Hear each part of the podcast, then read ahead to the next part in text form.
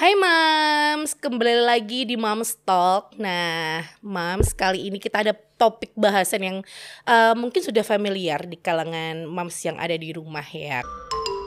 Keajaiban pijat pada bayi itu sangat luar biasa. Nah, yang pasti kalau aku sendiri ya, aku sendiri sudah merasakan kalau anak yang mungkin lebih cenderung uh, sering dipijat, sering mendapatkan sentuhan langsung mungkin dari orang tua, pastinya uh, bonding dengan orang tua itu akan lebih kuat seperti itu. Nah, aku sendiri kayak uh, kalau di rumah kayak gitu ya, sering banget kayak si Gaya itu tuh kan lagi sering banget uh, apa namanya aktif-aktifnya dia tuh lagi senang lari-lari ke sana ke sini lagi senang banget buat uh, apa namanya manjat-manjat segala macem lah membuat segala keributan lah intinya di rumah Gaya itu sering banget yang namanya kalau malam tuh bilang mami aku capek, mami aku pengen dipijit, mami aku segala macem lah kayak gitu. Dan nggak mungkin dong dengan kondisi yang seperti itu aku langsung aduh terapis harus telepon segala macem. Nah uh, kalau aku sendiri ketika aku ada si Gaya tuh lagi kayak gitu, pasti aku aku sendiri melakukan pijat pijatan-pijatan yang memang uh, itu aman dilakukan untuk anak. Nah seperti apa? Mungkin kayak Gaya tuh sering banget namanya kakinya tuh aduh mami aku capek di kaki segala macem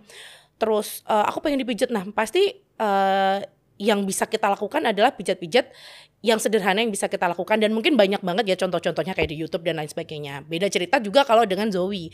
Zoe sekarang itu kan lagi umurnya sekitar 10 bulan dia sendiri sering banget yang namanya namanya kembung lah atau mungkin dia sering rewel lah ketika mau tidur atau dia mungkin mengalami yang namanya uh, apa namanya kolik dan lain sebagainya. Nah, itu kita sebagai orang tua gimana caranya di rumah itu tuh paling nggak kita punya uh, uh, apa ya sesuatu yang edukasi, edukasi antara ibu dan juga ayah tuh memang harus bekerja sama di situ. Antara lain mungkin, oh anakku ini lagi uh, apa sembelit, lagi masuk angin lah segala macam. Nah, gimana caranya sih kita bisa pijat di area dada, area perut dan lain sebagainya. Nah, mams, memang uh, banyak banget ya yang kita rasakan manfaatnya kalau anak itu tuh ketika sudah dipijat pasti dia akan lebih aktif lagi, terus juga tidurnya lebih nyaman, tidak rewel ketika malam hari dan juga itu juga uh, banyak banget manfaat ketika anak ketika sudah dipijat itu tuh dia bisa banyak makannya, terus dia bisa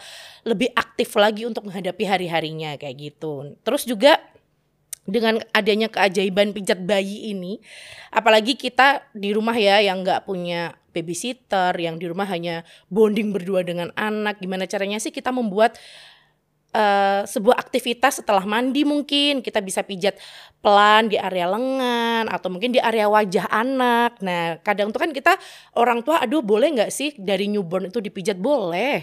Banyak banget sebenarnya kayak Eh, edukasi-edukasi uh, seperti itu yang bisa kita dapatkan ya di luar sana yang mungkin aduh aku pengen banget nih bawa anakku ke terapis aja boleh kita mau pijat sendiri boleh mau bawa ke terapis boleh tapi memang lebih banyak dianjurkannya kalau kita bisa uh, memijat sendiri berdua dengan anak. Kita bisa bonding dengan anak. Kita bisa bikin quality time yang seru dengan anak kayak gitu. Nah, terus Uh, kalau aku sendiri, kalau tadi sudah aku jelasin ya, aku adalah uh, tipe yang tim pijat bayi sendiri juga, tim ke terapis juga. Karena apa? Kadang kita tuh kan kalau ke terapis bawaannya kayak lebih tenang gitu ya, kayak uh, aduh anakku aku bawa ke terapis, pijatnya bisa head to toe dari seluruh tubuhnya bisa dipijat. Nah, kadang tuh kita mungkin orang tua hanya bisa pijat yang simple, pijat yang untuk mengurangi beberapa gejala-gejala yang ada pada anak.